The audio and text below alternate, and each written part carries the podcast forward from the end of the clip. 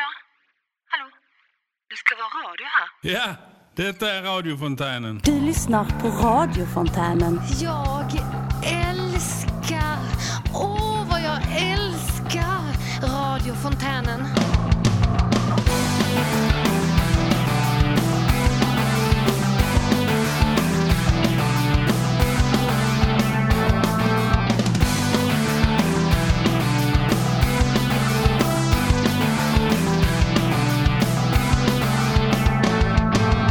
Radiofontänen tar upp saker som inga andra radioprogram gör.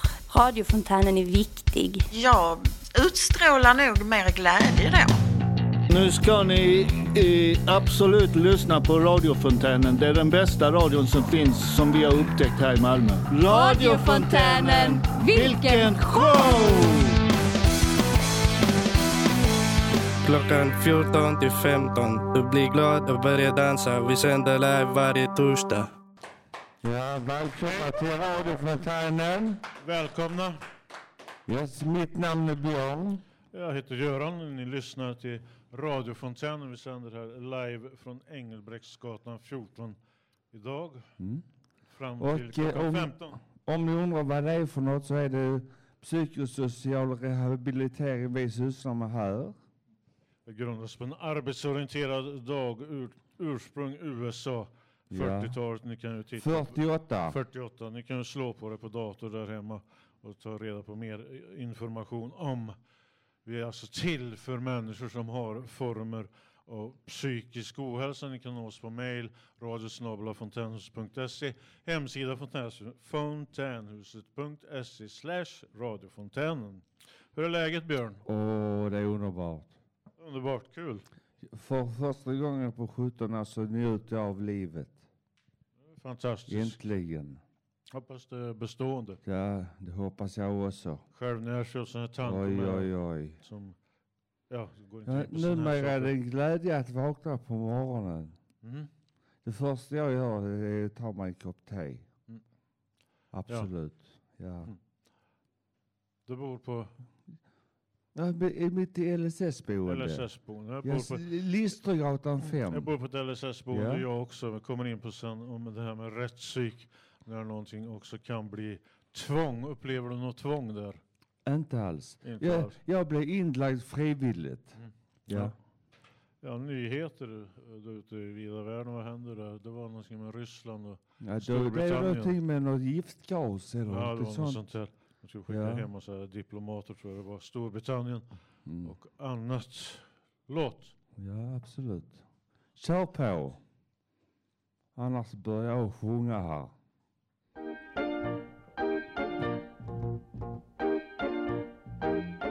Well, if you ever plan to motor west, Jack, take my way. It's the highway, your kicks on Route 66. Get your kicks on Route 66. Kör.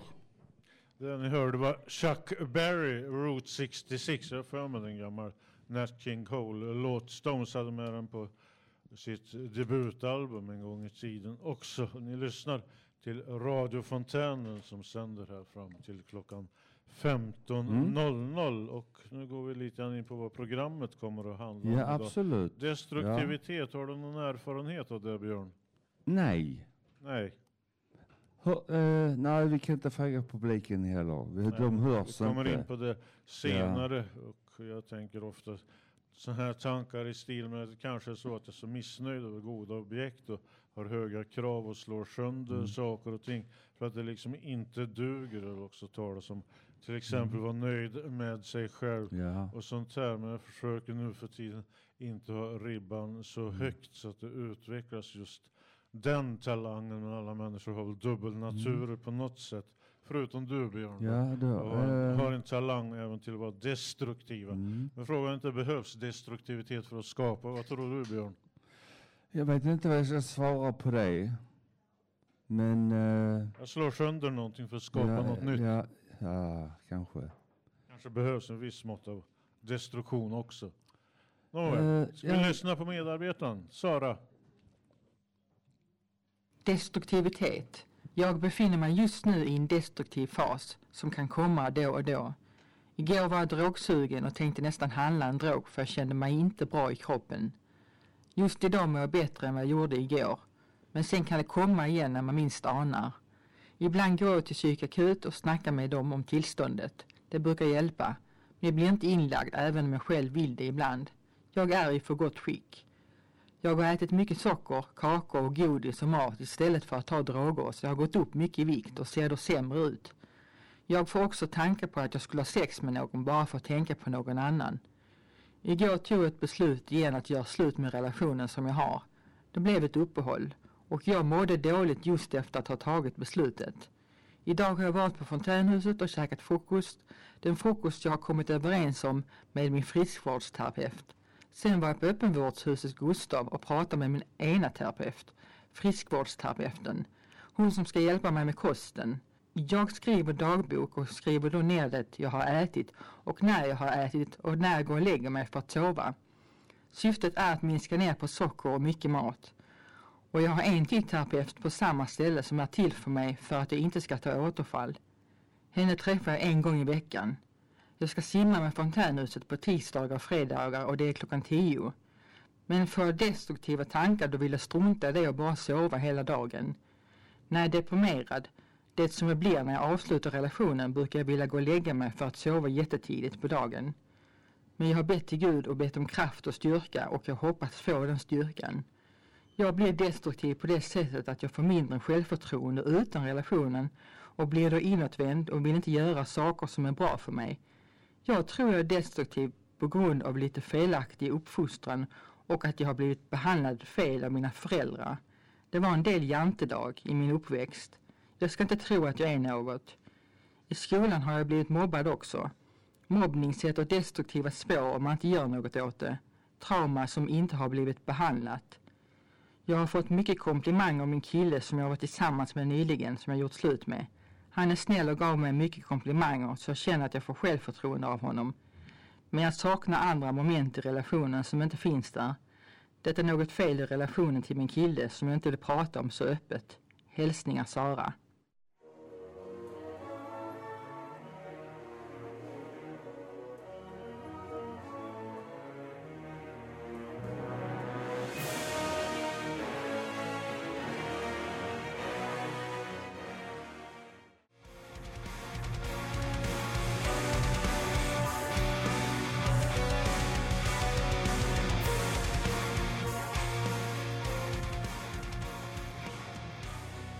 Nu är vi tillbaka efter en härlig låt.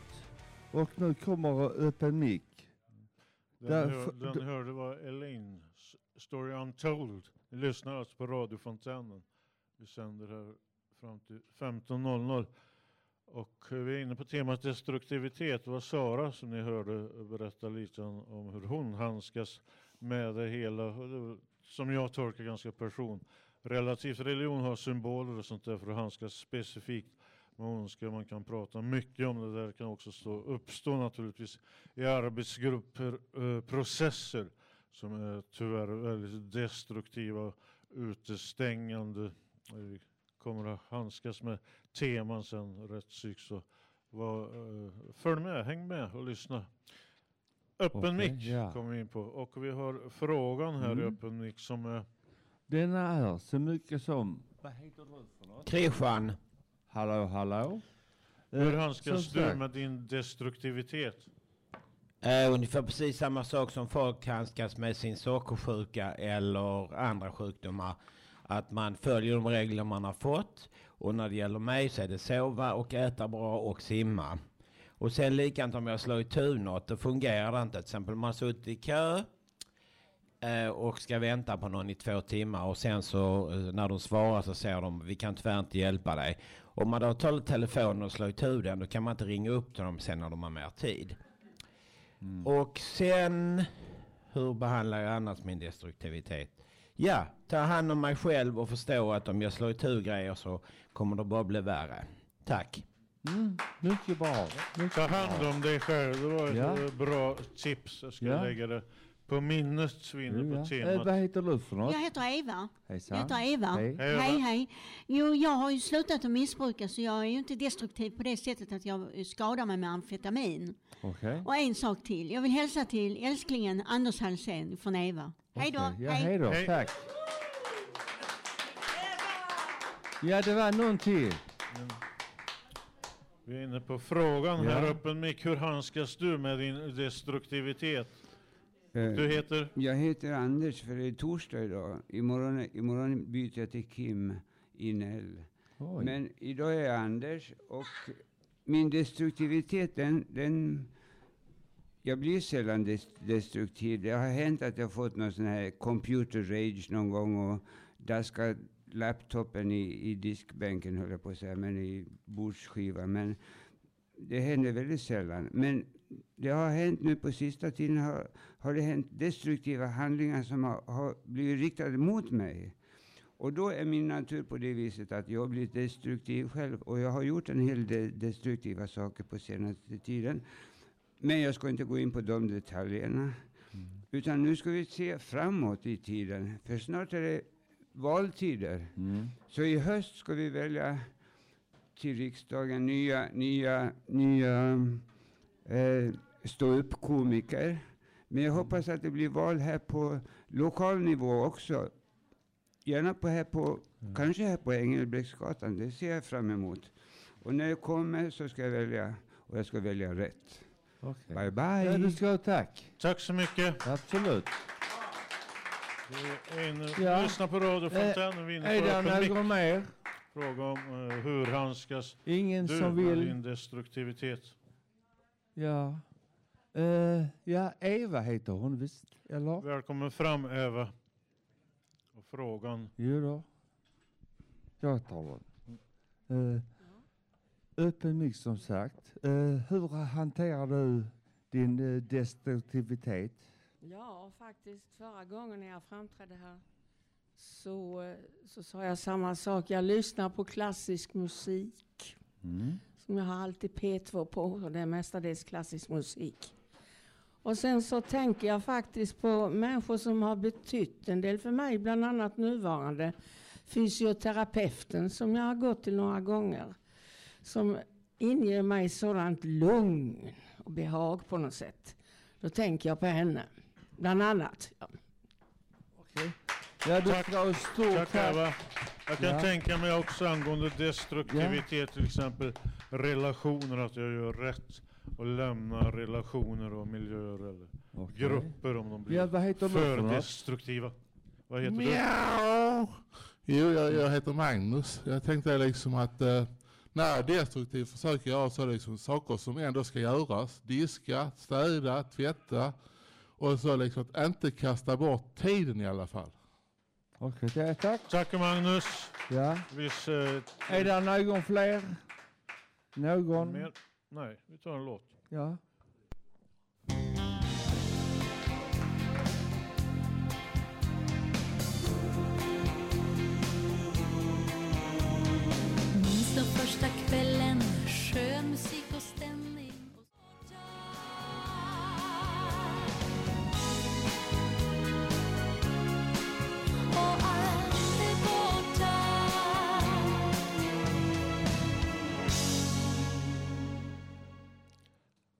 Välkomna tillbaks till radiofontänen där ni lyssnar på vad Drifters tycker om dig. Och vi har haft intervjuer här i radion från Rättspsyk förra programmet. Det är Kim Karlsson och Louise Bergström som intervjuas av Harald och Schein. Och det handlar om då form av rättspsyk, lite problematiska frågeställningar om tvång och gräns, tid, hur lång tid man kan sitta inom rättspsyk.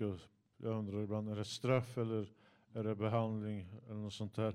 Har du erfarenhet av rättspsyk, Björn? Inte ett dugg, men jag eh, undrar, eh, vet du hur länge får man vara inlåst där? Därför är det ingen bortre gräns. Jag tycker det verkar lite vanskligt om man ska kunna bedöma en människa som tillförlitlig och inte återfalla då i så kallat eh, brott. Men ska vi lyssna på Kim och Louise i intervjun. Kör på.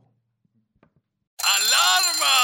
SS Radio Fontana! Våga lyssna på radio. Det kommer att löna sig i längden. Vår plan är att patienten ska ut i öppenvården så fort som det går. Är kan du kan berätta lite om Mm. det? Eh, Man, eh, med slutenvården här kommer man när man är inlagd och då är man inne på en vårdavdelning. Och det kan ju variera från ett år till tio år beroende på hur det går. Och i samband med det så har vi en öppenvård där man, eh, när man skrivs ut från slutenvård så blir det oftast i form av öppenvård där man har särskilda villkor. Det innebär att psykiatrin, rättspsykiatrin står för den medicinska vården kan vi säga. Och boendet där man bor till exempel står för omvårdnaden. Eh, och patienten är fortfarande under en tvångsvård men under friare former. Och så finns det de som blir utskrivna för alltid. Men majoriteten har en lång öppenvård. Så vi har kortat våra slutområden rätt mycket utan återfall i det brottet man har gjort. Men en längre öppenvård istället för att få en utsluss. Vad är eh, öppenvården, alltså tänker jag på, eh, vad är, eh, i tidsperspektiv, vad är snittet av hur lång Det- tid? ja. Så tänker hur länge kan man hålla en patient på öppenvården? Jag tror du kan hålla tills patienten inte finns med. Det beror helt på vad du behöver. Eh, det blir också det individuella. Men många har ju så pass allvarliga psykiatriska sjukdomar som behöver bo på ett LSS-boende. Man har man slutar med medicineringen blir det att du återfaller i, i ditt brott eller ditt beteende. Som, och där är väl det som Är det mycket bråk hos er? Eller hur Nej. umgås ni med det? Jag menar, det är ju inte... Det kan ju vara hårda killar som kommer dit också. Ja, vi har eh, hårda killar som kommer till oss men eh, de är väldigt mjuka på insidan. Vi har väldigt sällan bråk. Så ni... Är det manlig och kvinnlig personal eller? Vi blandar, vi har nästan, som jag inte får säga, en liten otydlig regel. Jag försöker ha så blandat som möjligt när jag rekryterar. Det är Inte bara för att män är starkare än kvinnor, men vi har olika sätt att bemöta och vi är olika och har olika behov. Eh, Och vi har ju kvinnliga patienter också och det handlar ju också om att få lov att vara, någon ska hjälpa den när det är intimhygien och annat och det kan vara skönt att prata med en människa som, ja, vi- har lite olika sätt att Vi har vara. allt. På, på avdelningen har ni också kvinnor och män eller är det bara män och kvinnor eller är det blandat? Eller? Det är blandat. Det är blandat. Vi har ju vi, vi har blandat kvinnor och män som patienter. Eh, Majoriteten är som det ser ut med män som döms. Det är cirka 50 nydömda om året i Region Skåne som, som strömmar igenom. Men hur fungerar det med män och kvinnor? Jag menar, vi har det här metoo-grejen just nu. Uh, ser ni där någon fara att det blir något påhopp där eller? Vi håller ögonen öppna för det eh, och vi är snabba att reagera om vi märker att det skulle vara någonting. Eh, Under min tid i Hässleholm så har vi inte haft de bekymmerna. Men det är viktigt att se för man är sjuk, eh, alltså inte sjuk men man är i en sårbar situation. Mm. Och det är lätt att eh, kanske skapa en relation för att man är just där och inte kan värja sig. Mm. Så det är ju- kan ju också vara att man blir utnyttjad, att jag vill köpa, låna cigaretter av dig, jag vill ha din laptop. Alltså det sinsemellan där, att, Mm. att inte bli utnyttjad av medpatienter eller av Ja. andra. Och därför har vi ju regler som att man får inte gå in på varandras rum, man får inte byta saker med varandra och man får inte köpa saker till varandra för att undvika sådana situationer att Mm. en del blir utnyttjade och Ja, inte kan ja. säga nej. Har ni någon sorts utbildning, eh, kampsport eller Mm. judo eller ingen aning? Vi har en grundutbildning för alla medarbetare. Dels något som heter MI, motiverande samtal, som hamnar att eh, samtalssituationen, att ställa rätt frågor. Och sedan har vi en grundutbildning som heter TERMA, som går på någon låga... eh, Låg... Lågaffektivt bemötande Mm. och olika tekniker för att värja sig om man behöver. Mm. Också hålla fast om man skulle behöva.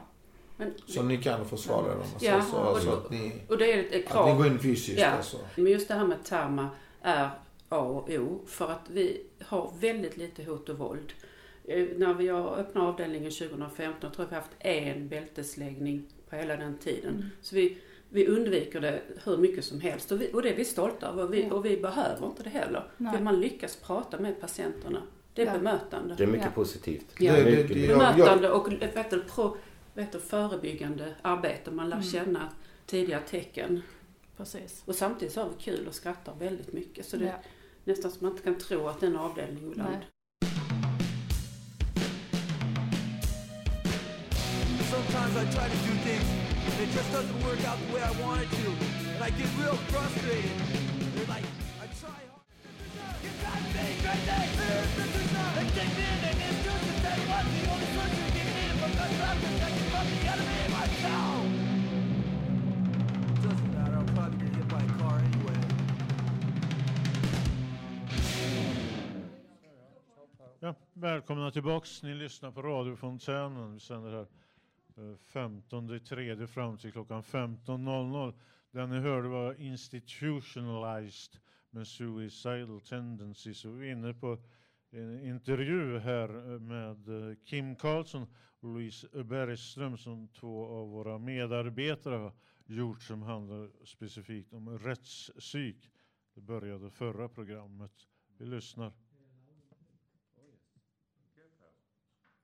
Varför straff väntas den som inte gör det? Det som är bråkig. Vi säger ju inte straff, för vi får inte tänka strafftänkande. Mm. Det, det fanns mycket för att han, Ja. han ska inte gå ut för han var dum, eller hon får inte göra det. Och det, det är ju inte därför man, utan det handlar om att man bedöms att den kanske är rymningsbenägen eller han är så arg så att det kan få hotfullt att gå ut på permission nu. Och, men sen ska ju han eller hon bedömas utifrån sin situation igen. Så där, det, det är en big no-no. Men det är ju ett Mm. sånt straff det också ju. Ja, det blir ju ett straff. Det men det ska inte vara, ja, Ja. men det blir en form av eh, inskränkning. Mm. För att har du då tagit in droger så får du ju en extra bevakning på dig. Frihetsinskränkning Ja, ja, ja. eller någon form. Men du får inte gå med nycklarna och tro att du äger världen som... Nej, och börjar man tänka straff då hamnar man ju lite fel som personal kan jag Ja. tänka att man blir lite polis i sitt bemötande. Ja. Det är patienten. Patienten upplever Ja. alltid som ett straff och det får man försöka förklara. Men visst, det är inte roligt att bli av med en förmån. Nej, absolut inte. Hur fungerar det med familj? Är de, kommer de, alltså, hur, hur får de en, en, en inblick i, i psykiatrin? Vi har ju, där är ju lite, många, först och främst har ju många inte familjer kvar. Många har blivit ensamma. Eh, man har eh, hamnat lite utanför där. Och de som har familj, vi har ju det som skyldighet att söka ge stöd. Kuratorn ska alltid se om man, om man har barn under 18 år, på något sätt erbjuda dem ett stöd. Men annars är det ju som ni gör, att har man anhöriga som vill vara delaktiga, för vissa har kanske själva blivit utsatta och har väljer att inte ha kontakten. Men annars har vi besöksrum som man kan komma besökstider. Eh, Man har god man, man har förvaltare, stödperson och annat som kommer. Så vi välkomnar ju familjer. Mm. Eh, Tyvärr är det nästan eh, så att det är väldigt lite. Kanske familjen skäms lite grann också. Det är nog en stor skam i det och en egen skam och sorg. Eh, och, eh, Det har vi ju anhöriga som är väldigt upprörda och arga men inte kanske på patienten. Men de, det blir en sorts... Vi hamnar också i en situation där man, eh, man kan själv ha ett problem. Hur, hur, hur är det för dig Kim efter en arbetspass att komma hem? Vi är ganska bra på att prata om det på arbetspassen med våra kollegor. Så vi pratar ur oss. Är det någonting vi känner att vi behöver ventilera så gör vi det innan vi åker hem. Och vi är väldigt förstående mot varandra. Att man kan tycka saker är jobbigt, man kan vara rädd, man kan tycka någonting är obehagligt av olika anledningar. Och vi, Ja, vi förstår varandra i det någonting, och fast stöttar varandra och pratar ut med varandra. Så att man någonstans kan eh, släppa det när man Men kommer hem eh, faktiskt. Louise, du är chef eh, Mm. för det här dina folk som jobbar liksom, Mm. du strukturerar detta, du har dina regler. Det kommer såklart uppifrån. Mm. Får personalen hjälp med detta? Alltså, har inte ni någonting som ni kan erbjuda dem att de ska kunna liksom istället för att kanske snacka med varandra, att de kanske får få en Om inte gruppen, personalgruppen och jag framförallt, kan, om inte vi kan respektera varandra och ha alltså en moral och etik mot varandra så kan vi aldrig ha det mot våra patienter. Så där är det så viktigt att ha ett samtalsklimat. Det är lätt att säga att vi ska ha högt i taket. Det är svårare att svara på hur man har det. Men det är att våga. Vi har försöker med speglingar en gång i veckan, hur veckan har varit. Vi har uppe etikfrågor på eh, arbetsplatsträffen så har vi veckan, alltså går runt, är det något som tar upp? Och det är svårt att ibland nämna saker men vågar vi inte berätta att det, kändes så här eller du sa, då kan vi inte möta det svåra i, i, i vården så att säga. Mm. Sen finns det ju stöd, eh, stödsamtal, vi har Previa och annat. Så att, och vi, jag skulle definitivt ta in en, om, det, om man kräver det eller Mm. önskar det. Men det var faktiskt jätteroligt att ni var här. Ja, roligt att vara här. Tack så mycket att ni kom. Ja. Tack till Louise och till Och Kim. vi hade Kim och Louise här. De är ifrån rättspsykiatrin i Hässleholm. Tack så mycket. Tack så mycket. Tack.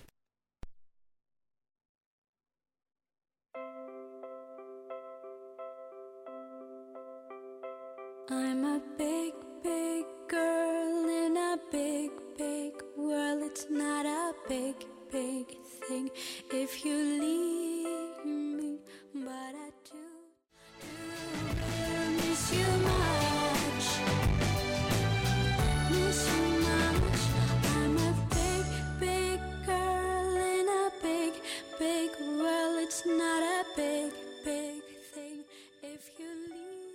Ja, den här låten heter Big Big World med Emilia.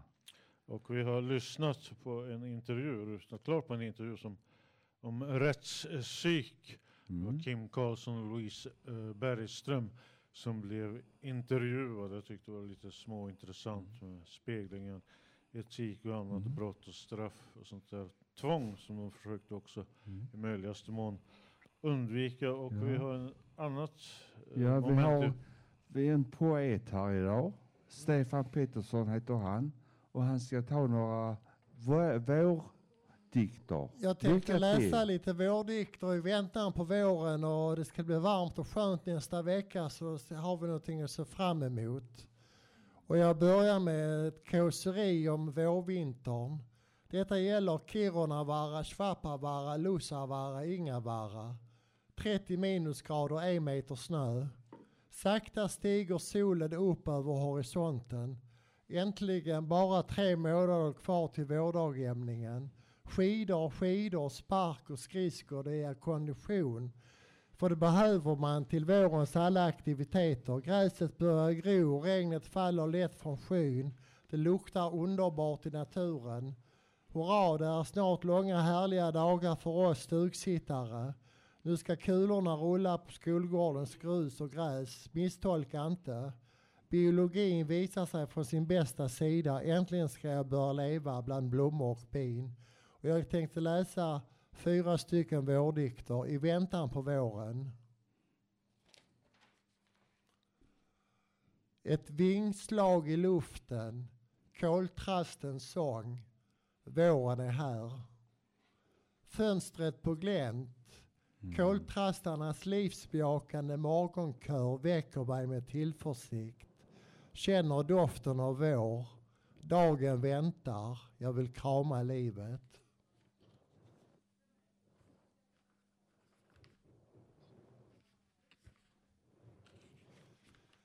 Och så kommer här också en fin vacker vårdikt i väntan på värmen. Ljuset börjar titta in. Sanningen om det goda kommer. Själar söker ro. I ljuset ser ni hopp efter liv och, da- liv och glädje. Vårdagarna väntar på en som törstar. En stilla våg av livets vatten slår emot mig. Den kommer med liv och ro. Livets ursprung kommer. Man ser klart det oändliga och känner den stillhet som råder av livets melodi. Det är en del av vårens sång. Tack för mig. Tack Stefan. Absolut. Husets, eh, en av husets poeter som även har gett Eh, ut. Jag får kalla dig för chefen i fortsättningen. Kalla mig för Chefen. chefen. ja. Absolut. Nej, men det är fin poesi, mycket natur Okej. längtan här om vår och även... Då måste jag ställa dig en fråga. Ska vi ta eh, Karl Johan först eller? Vi, vi tar en låt först. Vi tar en låt först. Okej. I see that look in your eyes, but I am feeling no pressure. Feels like I'm stuck in. So I just don't care if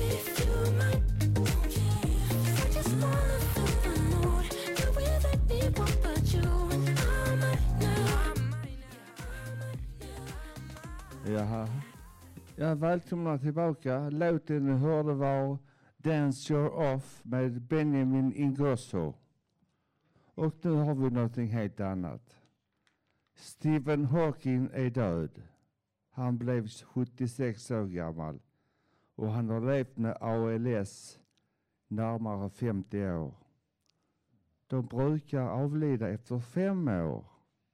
Man kan undra hur i all världen kunde han leva så pass länge?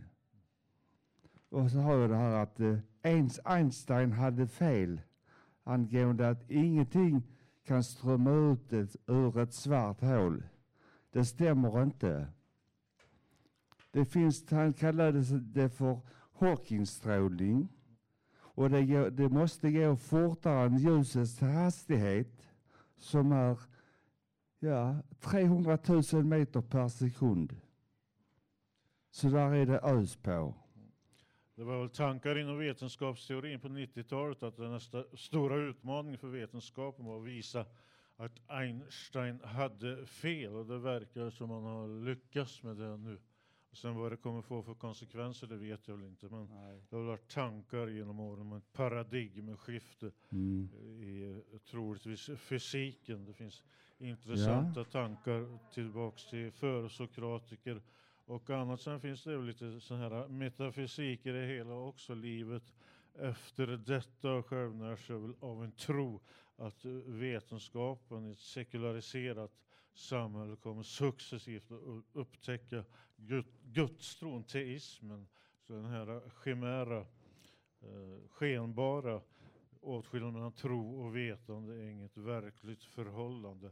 Det betyder inte att sanning alltid ska bestå av fakta, men det där kan ni ju läsa om själva också. Mm. Det finns till exempel Chalmers, vad är vetenskap egentligen, Ja. och annat. Ja, hall- hallå, ja, absolut. Vi kan prata lite om att det, detta är ett sorgligt ämne. Eh, Läget i Syrien är fruktansvärt.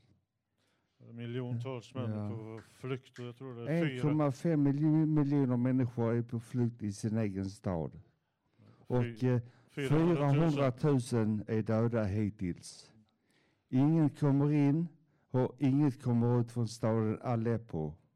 hemska förhållanden. Usch ja. Låt. Hej, jag heter Anki Held. Jag blir så himla trött när jag inte gör någonting.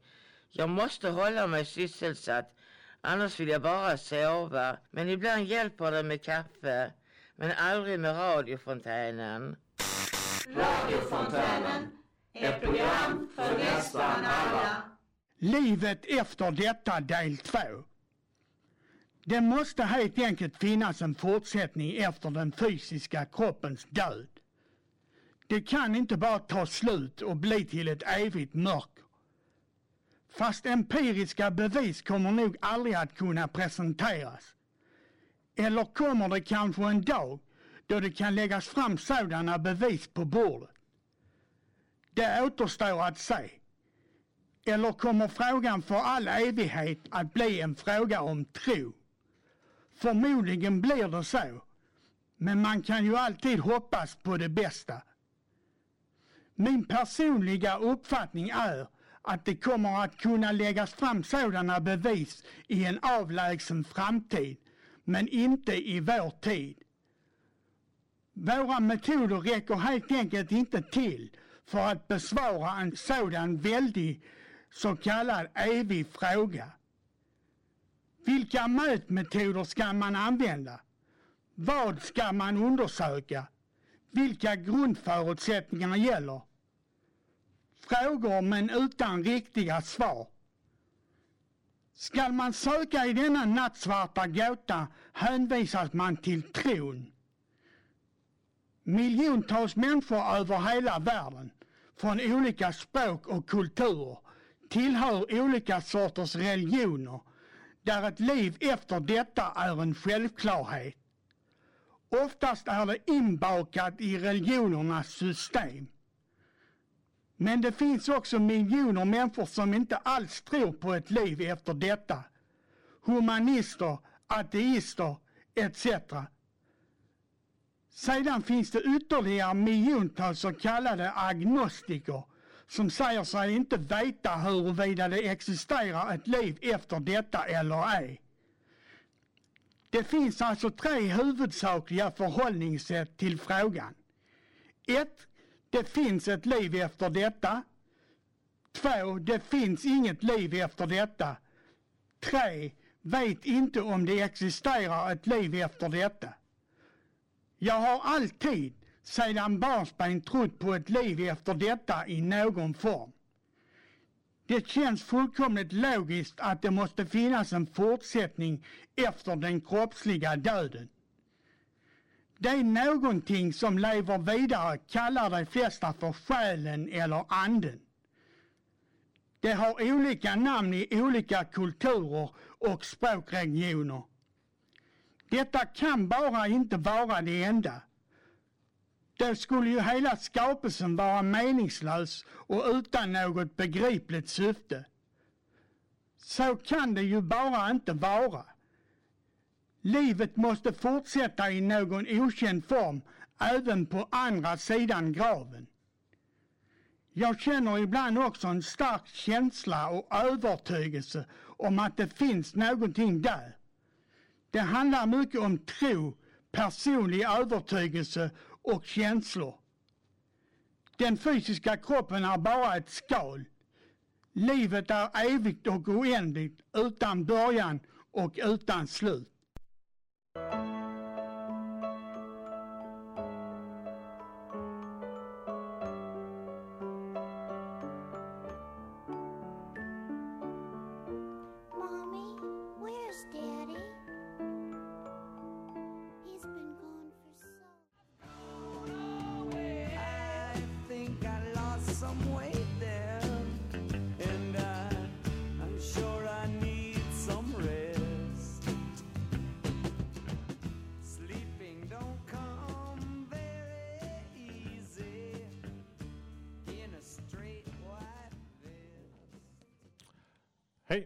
Välkomna tillbaka. Ni lyssnar till radiofontänen. Vi går mot eh, avslut här. Vi har, vi har väl ett inslag kvar. Vi kör det direkt. Politik och förändring. En uppsats av Bengt Lidén, V-jeanspartiet. 1. Daglig omdaning.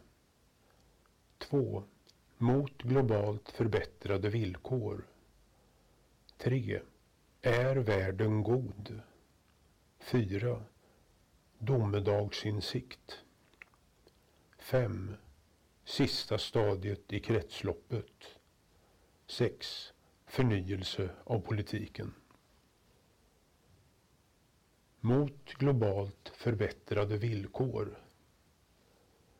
Utanförskap är ett sätt att förneka tillträde till den egna gruppen. Länder med ett stort mått av tillit till den egna inrikespolitiken tar av sig självt stor plats utrikespolitiskt så länge ett missnöje råder i andra länder. Att se en stadig utveckling i den egna mångfalden med allt vad det innebär kan förbättra känslomässiga villkor. Historiskt förbättrade villkor minskar avundsjukan och istället inträder en attityd av att få det som man vill eller vara nöjd. På så vis minskar utanförskapet så sakta.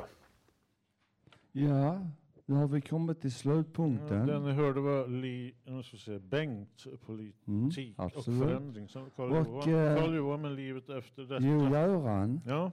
Eh, Vilka har varit med idag? Ja, det har varit Sara, Harald Schein som intervjuade Kim Karlsson och Louise Bergström från rättspsykiatrin i Hässleholm och dikter. Av Stefan Pettersson. Ja. Och Carl Johan. Ja, det var bra. Bengt. Och eh, en litet visdomsord från Bengt att vara Mm. nöjd. Och sen Ja, då visst ja. Jag, Göran. Nu håller vi koll. Jag heter Björn. Ja. musikproducenter och Det- redaktör ja. har varit. Andy och Eva. En applåd till Per. Det är hans sista sändning här. Vi vet Mm. inte om det kommer att bli något mer program Mm. eh, framledes under tid. Nästa vecka sänder vi inte, så en applåd till Per. Ja, absolut. Kom igen. Mm. Ja. Hörs vi tack för, för att önska en trevlig påsk och puss puss. Puss adjö. Hej då från Björnen.